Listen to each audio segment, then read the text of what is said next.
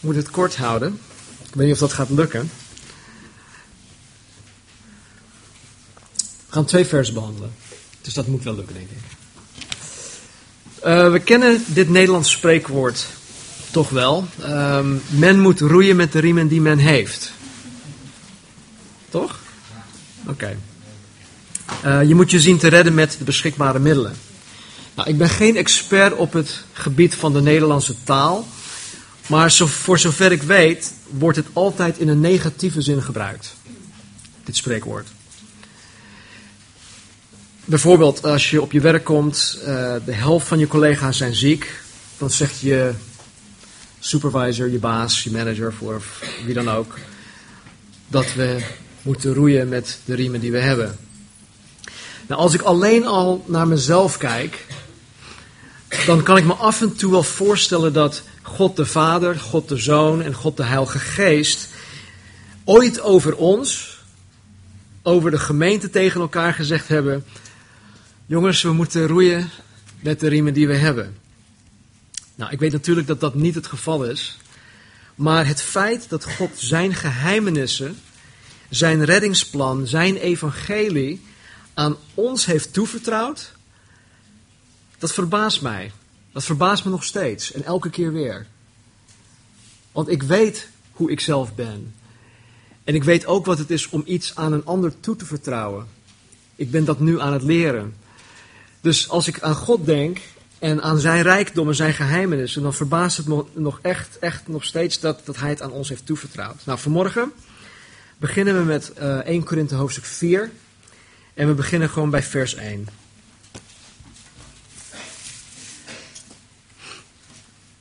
Even kijken hoor. Laat men ons zo beschouwen, namelijk als dienaren van Christus en als beheerders van de verborgenheden van God. En verder wordt van de beheerders verlangd dat zij betrouwbaar blijken te zijn. Nou, tot zover. Vader, ik dank u voor uw woord, Heer. Help in ieder van ons uw woord te snappen, te begrijpen. Help ons uw woord vanmorgen ook toe te passen. Heren, zodat het vrucht zal dragen in ieder van ons. Heer, waar we ons ook bevinden, heren, in welke levensfase, in welke groeifase in ons geestelijk geloof. Help ons, Vader. Dank u wel. Paulus kwam zo'n vijf jaar voordat hij deze brief had geschreven naar Korinthe toe. En hij had daar het evangelie met mensen, met mensen gedeeld. Hij heeft daar deze gemeente gesticht. En is daar vervolgens anderhalf jaar, jaar lang gebleven om de gemeente, om de mensen daar te onderwijzen in de Bijbel. Nou, stel je voor dat de apostel Paulus naar Nederland toe zou komen en dat hij anderhalf jaar hier in Hoofddorp de Bijbel zou onderwijzen. Nou, dan zou ik zeggen van mensen, laten we de tent anderhalf jaar dichtgooien en laten we onder de, de, de teaching van, van de apostel Paulus gaan zitten voor anderhalf jaar. En want denk aan hoeveel wij van Paulus zouden kunnen leren. Heel veel. On, on, onvoorstelbaar veel. En denk aan hoe verrijkend dat anderhalf jaar voor ons zou kunnen zijn. Nou, niet alleen omdat Paulus zoveel kennis had, maar ik denk meer om, uh, om, ja, omdat hij, hij een hart heeft voor mensen. Zijn hart ging uit naar God, naar datgene wat dat God van hem verlangde. Zijn hart ging uit naar zijn medebroeders en zusters. Hij had hart voor de gemeente. Dus wij zouden heel veel van hem kunnen leren. Paulus was God dankbaar voor de Corinthiërs. Hij zegt in hoofdstuk 1, vers 4: Ik dank mijn God steeds weer voor u, vanwege de genade van God die u gegeven is in Christus Jezus. Hij was dankbaar voor die mensen. En als je de brief ooit hebt gelezen, dan weet je dat dit geen makkelijke gemeente was. Het was een gemeente die, die hem verachtte, die hem niet erkende als apostel, zoals wij dat nu wel doen. En toch zei hij, ik dank mijn God steeds weer voor u vanwege de genade van God die u gegeven is in Christus Jezus. Zijn wij God dankbaar voor elkaar, voor zijn gemeente? Hij hield van de Corinthiërs. En hij sluit, hij sluit deze brief af met deze woorden. Hij zegt, mijn liefde zij met u allen in Christus Jezus. hij was dankbaar voor hun. Hij hield zielsveel van hun. En ja, zo'n iemand zou ik best wel hier voor anderhalf jaar in ons midden willen hebben. Dus Paulus, die de mensen van Korinthe tot de Heer heeft geleid, die de gemeente in Korinthe heeft gesticht, die anderhalf jaar lang deze mensen in liefde, met veel geduld en passie in het evangelie onderwezen had, die de gemeente vervolgens overgedragen had aan de plaatselijke leiders, was er op een gegeven moment achtergekomen dat de huidige leiders hem minachten.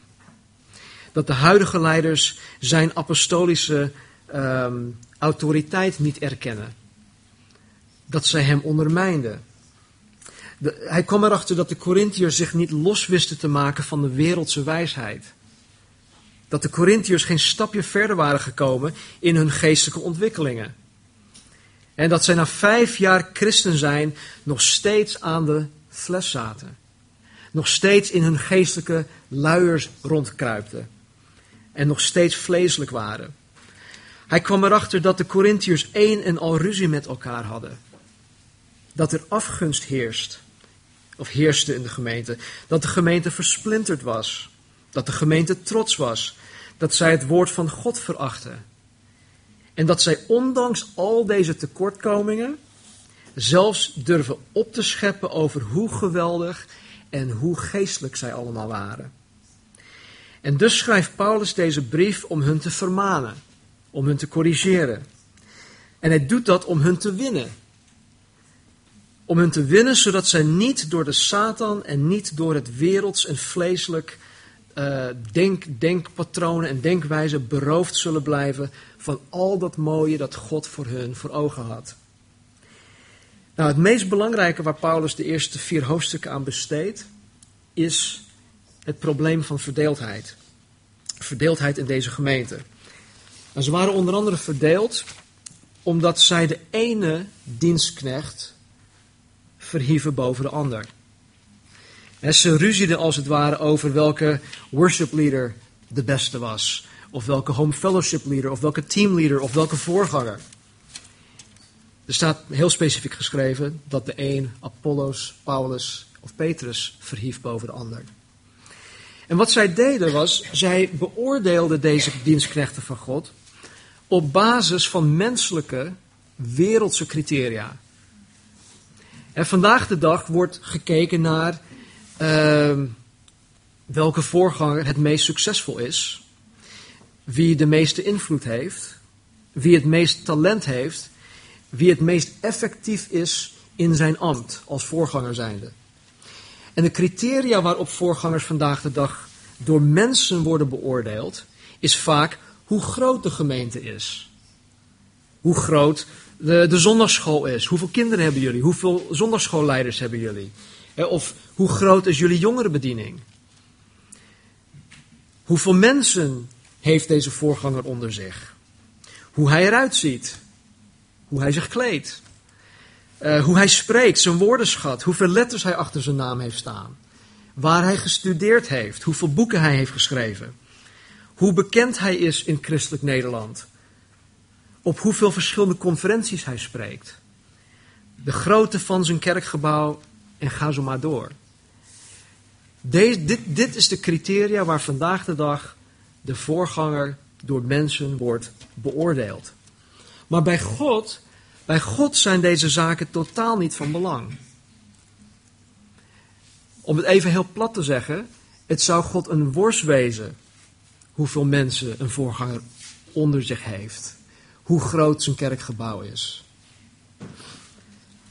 Deze dingen zijn niet belangrijk voor God. Weet je, in 1 Samuel 16:7, toen de profeet Samuel een koning moest uitkiezen, zag Samuel iemand staan. Hij zegt: dat is zeker de man. Oh, nou, hij ziet er gewoon, hij ziet er gewoon koninklijk uit. Dat, dat is hem zeker. Maar dan zegt de Heer tegen hem, hij zegt beoordeel een man niet op zijn uiterlijk of zijn lengte, want dit is niet de man die ik bedoel. God zegt tegen Samuel, ik beslis op andere gronden dan u. De mensen beoordelen iemand naar zijn uiterlijk, maar ik kijk naar zijn gedachten en hoe hij innerlijk is. Dus Gods criteria is, ziet er heel anders uit dan hoe wij mensen beoordelen. En dit is precies wat de Corinthiërs deden. Zij beoordeelden Paulus, Apollos en Petrus op basis van uiterlijke dingen. Nou, volgens de traditie, volgens de geschiedenis, was Paulus een kale, korte man. Hij had O-benen, hij had één wenkbrauw. Hij had een kromme neus en hij was niet wel bespraakt. Dus ik kan me een beetje voorstellen dat sommige Corinthiërs zoiets hadden van, joh, geef mij liever Apollos. Want Apollos is veel statiger dan Paulus. Hij is veel knapper.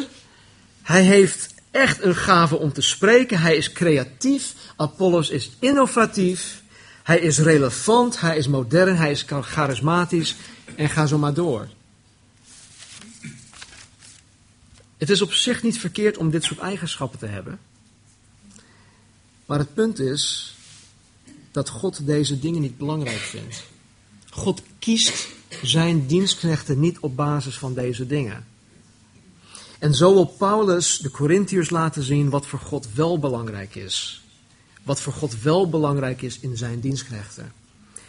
En dan zegt hij in vers 1, laat men, hè, laat men, de Corinthiërs, de christenen, maar misschien ook de wereld, laat men ons zo beschouwen, namelijk als dienaren van Christus en als beheerders van de geheimenissen van God. Paulus zegt dat de Corinthiërs de gods, hè, de Corinth, zegt tegen, of zegt, kan niet eens praten. Paulus zegt dat de Corinthiërs deze godsmannen enerzijds niet moeten ophemelen, want ze, ze verhieven de een boven de ander. En anderzijds moeten, moeten ze de, de andere godsmannen ook niet verachten. Maar ze moeten hun beschouwen als dienaren van Christus. Ik geloof dat deze verzen in eerste instantie betrekking hebben op Paulus, Apollos en Petrus. Maar zeer zeker ook op alle voorgangers van een plaatselijke gemeente. Het woord dienaren, dat Paulus hier gebruikt, is in de grondtekst, en vergeef me, ik zeg het waarschijnlijk heel fout, huperetas. Wat letterlijk onderroeier betekent. Wat is een onderroeier?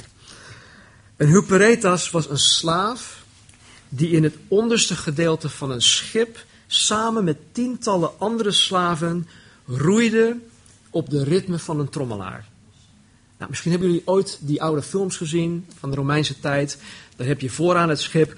Dong, dong, dong, dong. Die trommelaar. En zij maar roeien. Dong, dong, dong, dong. En sneller en sneller. Nou, dat is een hupereta, een onderroeier. En ze hadden slechts één taak. Eén taak en die taak was om te roeien. En ze moesten roeien met hun ogen gericht op de man die vooraan stond te trommelen en te roepen: roeien, roeien, roeien.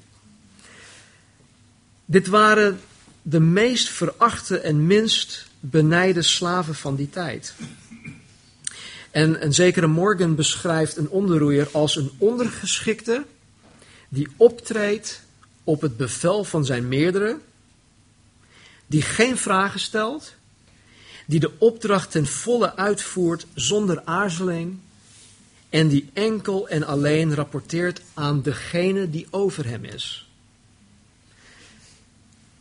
Als je aan een onderroeier zou vragen om iets anders te doen, dan zou hij dat weigeren. Want hij was er om maar één ding te doen en om maar één meester te dienen. Weet je, ik, ik heb een heel goed voorbeeld van iemand met, met, met deze mentaliteit. Ik heb ooit tijdens mijn, uh, mijn carrière met Xerox, zelfs hier in Nederland, uh, het voorrecht gehad om met, um, sociale, om, met mensen in een sociale werkplaats te werken. Wij hadden wat, wat werkzaamheden die, die um, geen expertise nodig had om uit te voeren, maar gewoon wat, wat handjes en het waren hand- en spandiensten. En we waren daar dan in, in zo'n sociale werkplaats. En dit waren mensen die dus uh, of geestelijk of lichamelijk gehandicapt waren. Maar je gaf hun een taak om te doen. En ze deden dat als geen ander dat kunde, of konden. Maar op het moment dat iemand anders erbij kwam en zei: joh, zou je dit nog even kunnen doen? Nee, sorry, gaat niet gebeuren. Ik moet dit doen. En het enige wat ze deden was dat. Maar ze deden het heel goed. Nou, dat had ik dan ook een beetje voor ogen voor die roeiers. Nee, sorry, ik kan niks anders doen. Ik moet roeien. Ga zelf dat doen. Ze waren heel gefocust. Nou, de onderroeier wist precies wat de reden was voor zijn bestaan en wat hij moest doen. Nou, vanuit deze betekenis werd het woord huperetas voortaan gebruikt om alle ondergeschikten te, uh, te, te, te gebruiken. dus alle ondergeschikten, of iemand die onder het gezag van een ander stond, was een huperetas. En Paulus zegt dat de Corinthiërs hem, maar ook Apollos en Petrus moesten beschouwen als een onderroeier. In dienst van één meester, de Heer Jezus Christus. En deze Corinthiërs wisten precies waar Paulus het over had. Omdat, de omdat Korinthe een havenstad was, waren de mensen bekend met de Romeinse oorlogsschepen die zich daar bevonden. En ze waren dus ook bekend met deze onderroeiers. Dus Paulus zegt als het ware: luister, wij zijn geen hoge pieten.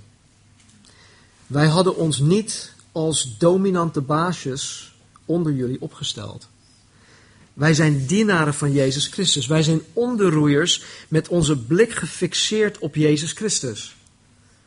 Wat Jezus ons gebiedt om te zeggen, zeggen wij. En wat Jezus ons gebiedt om niet te doen, doen wij niet. Wij weten wie wij dienen en wat van ons verlangd wordt. En zo moeten jullie ons zien wanneer wij onder de Corinthiërs dienen. Laat men ons zo beschouwen, zegt hij, namelijk als dienaren van Christus en als beheerders van de geheimenissen van God. Paulus zegt ook dat de Corinthiërs hun moeten beschouwen als beheerders van de geheimenissen van God. Een beheerder is in dit geval iemand aan wie de verantwoordelijkheid is gegeven over een huishouden. Hij was verantwoordelijk voor het beheren van financiën.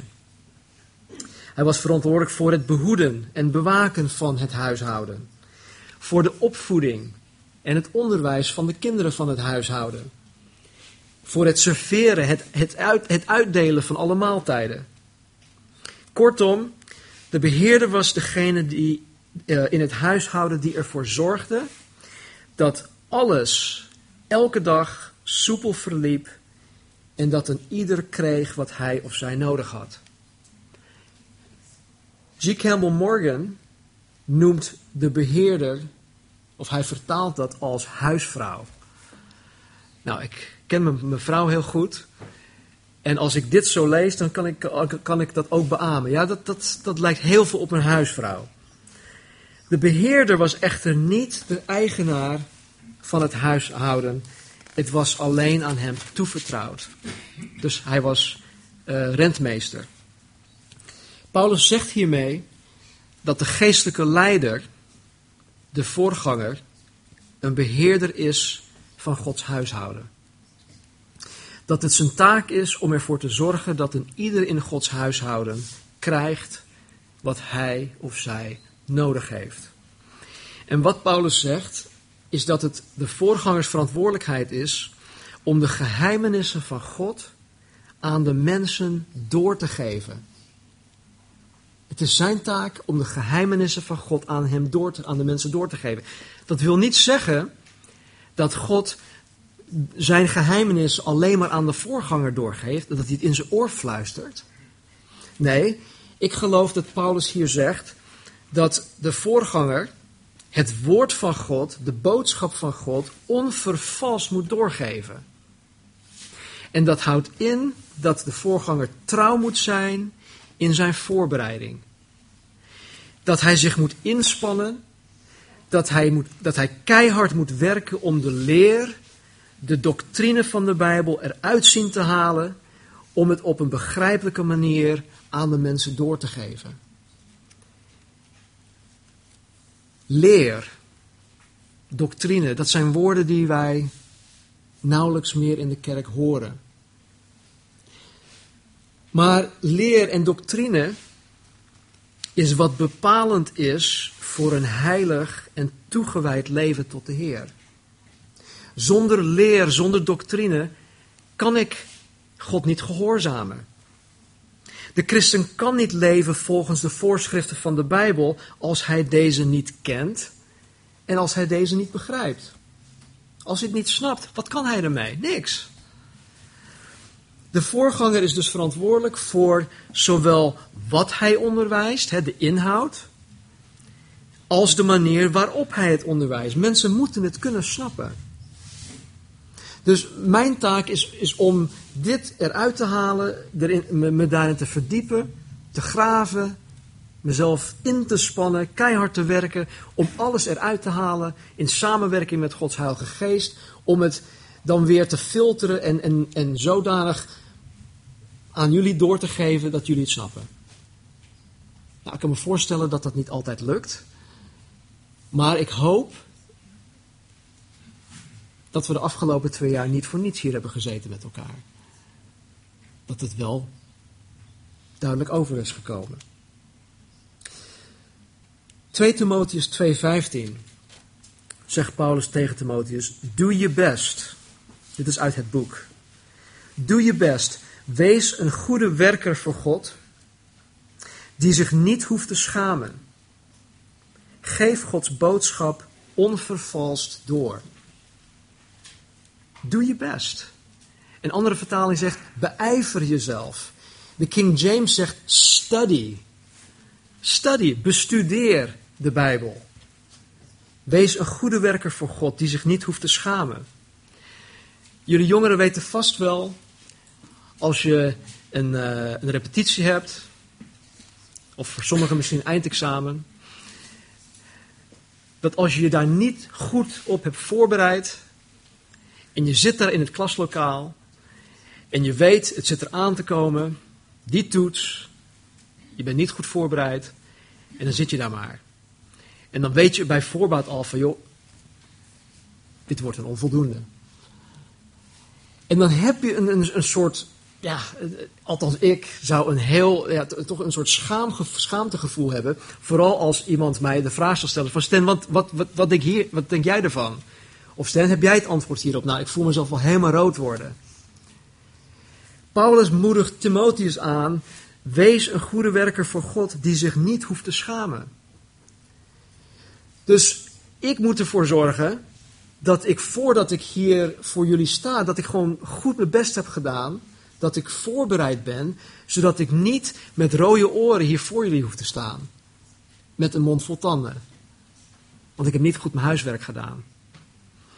Hij zegt in, een, in twee hoofdstukken verderop, in 2 Timotheus 4, vers 2, dit is uit de Groot Nieuwsbijbel.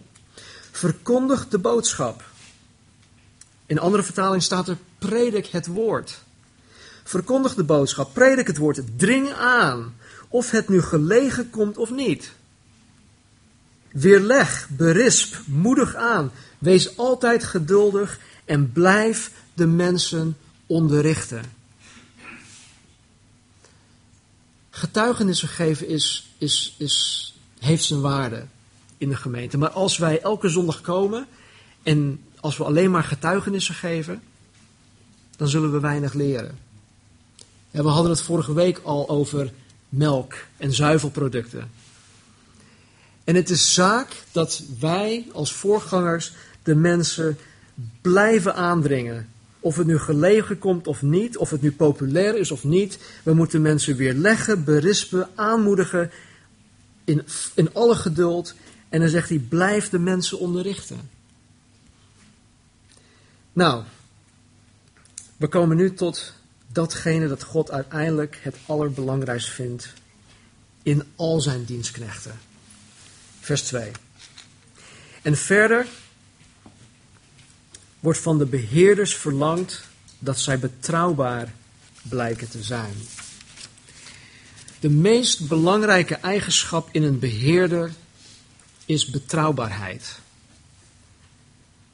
De beheerder krijgt het gehele huishouden inclusief alle bezittingen, aan hem toevertrouwd. En als hij niet betrouwbaar is, dan heeft de eigenaar een heel groot probleem. God verlangt dat zijn dienstknechten betrouwbaar zijn. Dat zij Gods woord continu en steeds meer gehoorzaam zijn. Dat zij continu en steeds meer vastberaden zijn om betrouwbaar te zijn. Het is een keus die ik moet maken. Het is een keus die wij moeten maken. Om betrouwbaar te zijn. God vereist niet dat zijn dienstknechten geniaal zijn. Of dat zij creatief zijn, of pinter, of populair. Noem maar op. God kan dienstknechten met deze kwaliteiten wel gebruiken. En dat doet hij ook. Maar één eigenschap is boven alle andere dingen een vereiste. Dat hij betrouw, betrouwbaar is. Punt uit. Paulus stuurde op een gegeven moment Timotheus naar de Corinthiërs toe, omdat hij volgens vers 17 in dit hoofdstuk geliefd en trouw was. Timotheus werd gekenmerkt doordat hij geliefd was en trouw. Paulus wist zonder enige twijfel dat Timotheus te vertrouwen was in het doorgeven van het onvervalste woord van God. Paulus hoefde zich geen zorgen te maken dat Timotheus Bijbelteksten of Bijbelthema's uit zijn context zou halen, bijvoorbeeld. Hij wist dat hij Timotheus kon vertrouwen om het woord te prediken. Om zich in te spannen. Dus hij had alle vertrouwen in Timotheus dat hij het woord van God zou rechtsnijden.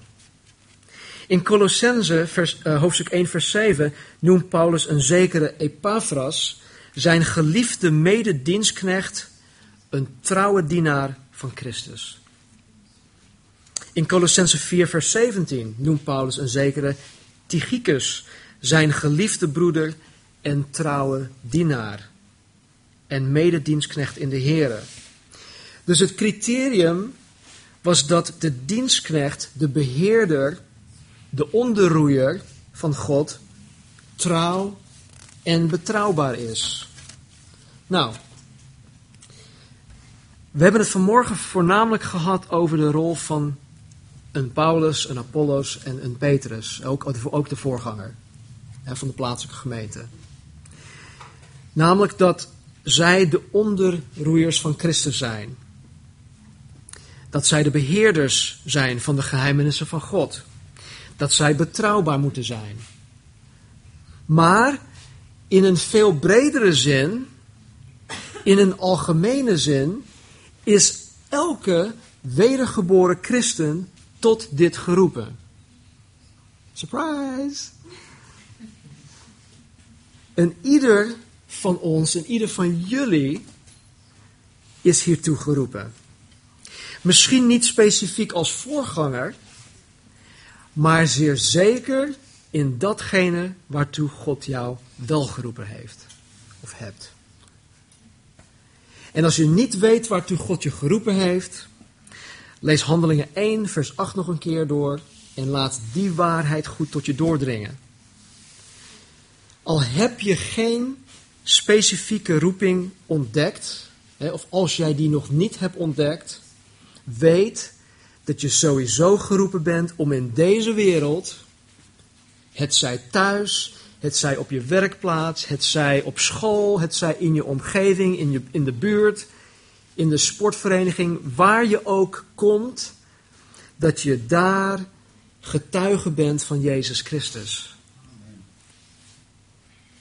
Het gaat niet alleen om wat wij hier samen met elkaar hebben.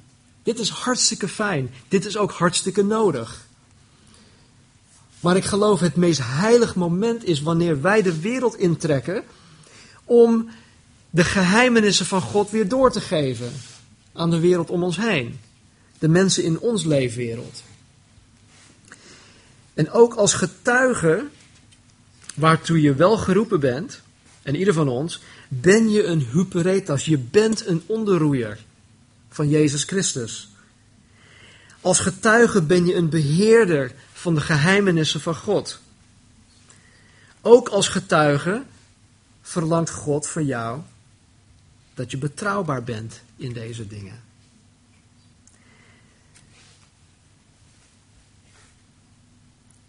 Trouw zijn. Wij zijn geroepen om trouw te zijn in deze dingen. Maar ik denk niet dat het alleen op dit betrekking heeft. Ik geloof dat God vraagt dat wij trouw zijn in alle dingen. In alles wat Hij aan ons geeft. En als God je een bediening heeft gegeven om die aanhanger elke zondag bij de bungalow op te halen en hier naartoe te slepen en weer terug te zetten, dan hoor je daar trouw in te zijn.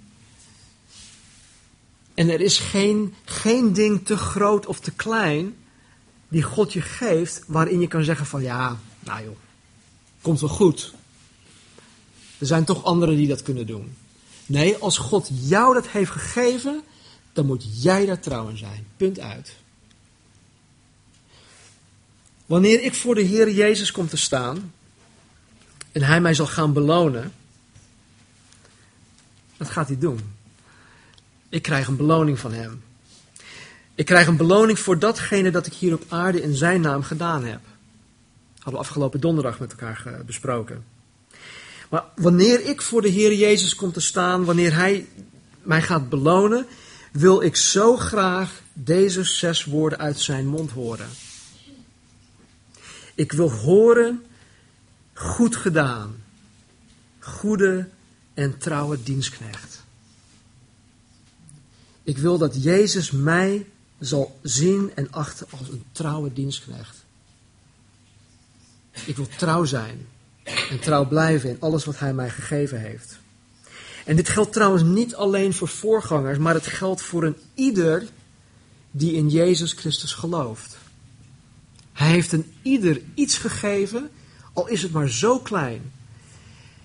En het woord zegt ook dat wat hij, als hij, als hij je in iets kleins kan, kan, kan vertrouwen of toevertrouwen, als je daarin uh, als, als trouw hebt um, bewezen, dan zal hij je meer geven. Maar als je niet trouw kan zijn in dat kleine wat hij je gegeven heeft, dan kan je het schudden. Dan zal je niet verder komen. Dus het geldt voor een ieder. Nou, in een positieve zin wil God roeien met de onderroeiers die hij gekozen heeft. Wie heeft hij gekozen?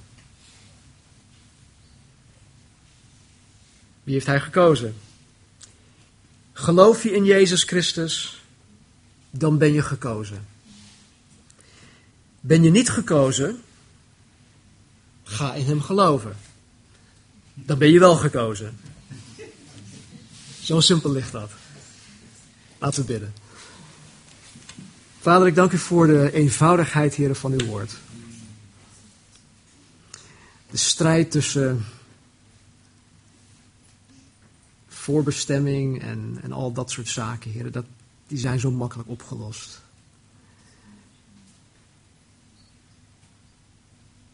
Heren, wij die geloven, die zijn gekozen om onderroeiers te zijn. Om beheerders te zijn van de geheimenissen van God. Om die door te geven, Heer, om trouw te zijn, om betrouwbaar te zijn. Met alles wat U aan ons toevertrouwd heeft.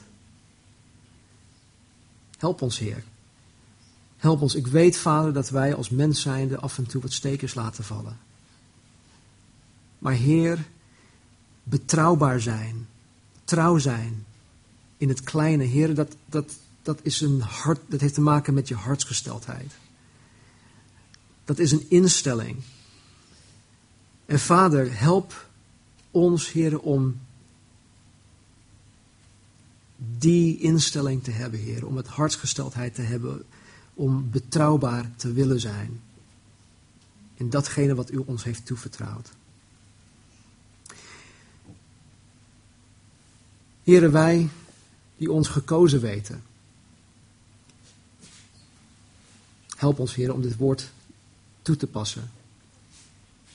Heren, als we nog niet zeker zijn of wij nu wel of niet gekozen zijn, help ons, Heer, om tot u te komen zoals we zijn. Heer, om tot u te komen met al onze tekortkomingen, met al onze vragen, al onze noden. Heren, niet dat wij het idee hebben of krijgen dat we eerst alles op een rijtje moeten hebben voordat we tot u mogen komen. Ik vind het zo mooi, heren, wat ooit gezegd is over u, dat u, Jezus, uw vissen pas schoonmaakt nadat u ze gevangen heeft. En niet daarvoor. Dus heren, help, help ons. Help ons, heren, wij die gekozen zijn. En help diegenen die u nog niet kennen, om vanmorgen gekozen te worden. Dank u wel. In Jezus' naam. Amen. Amen. Laten we gaan staan.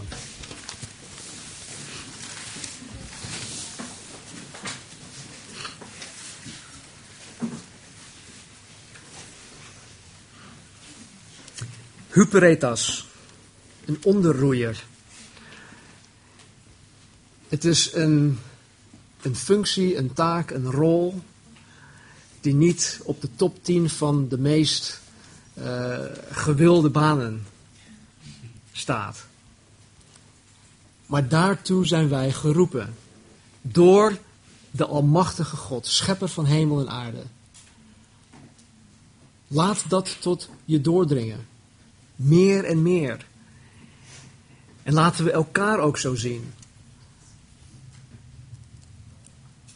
Dat zal zoveel in ons oplossen, in onze gedachten, hoe we elkaar ook zien.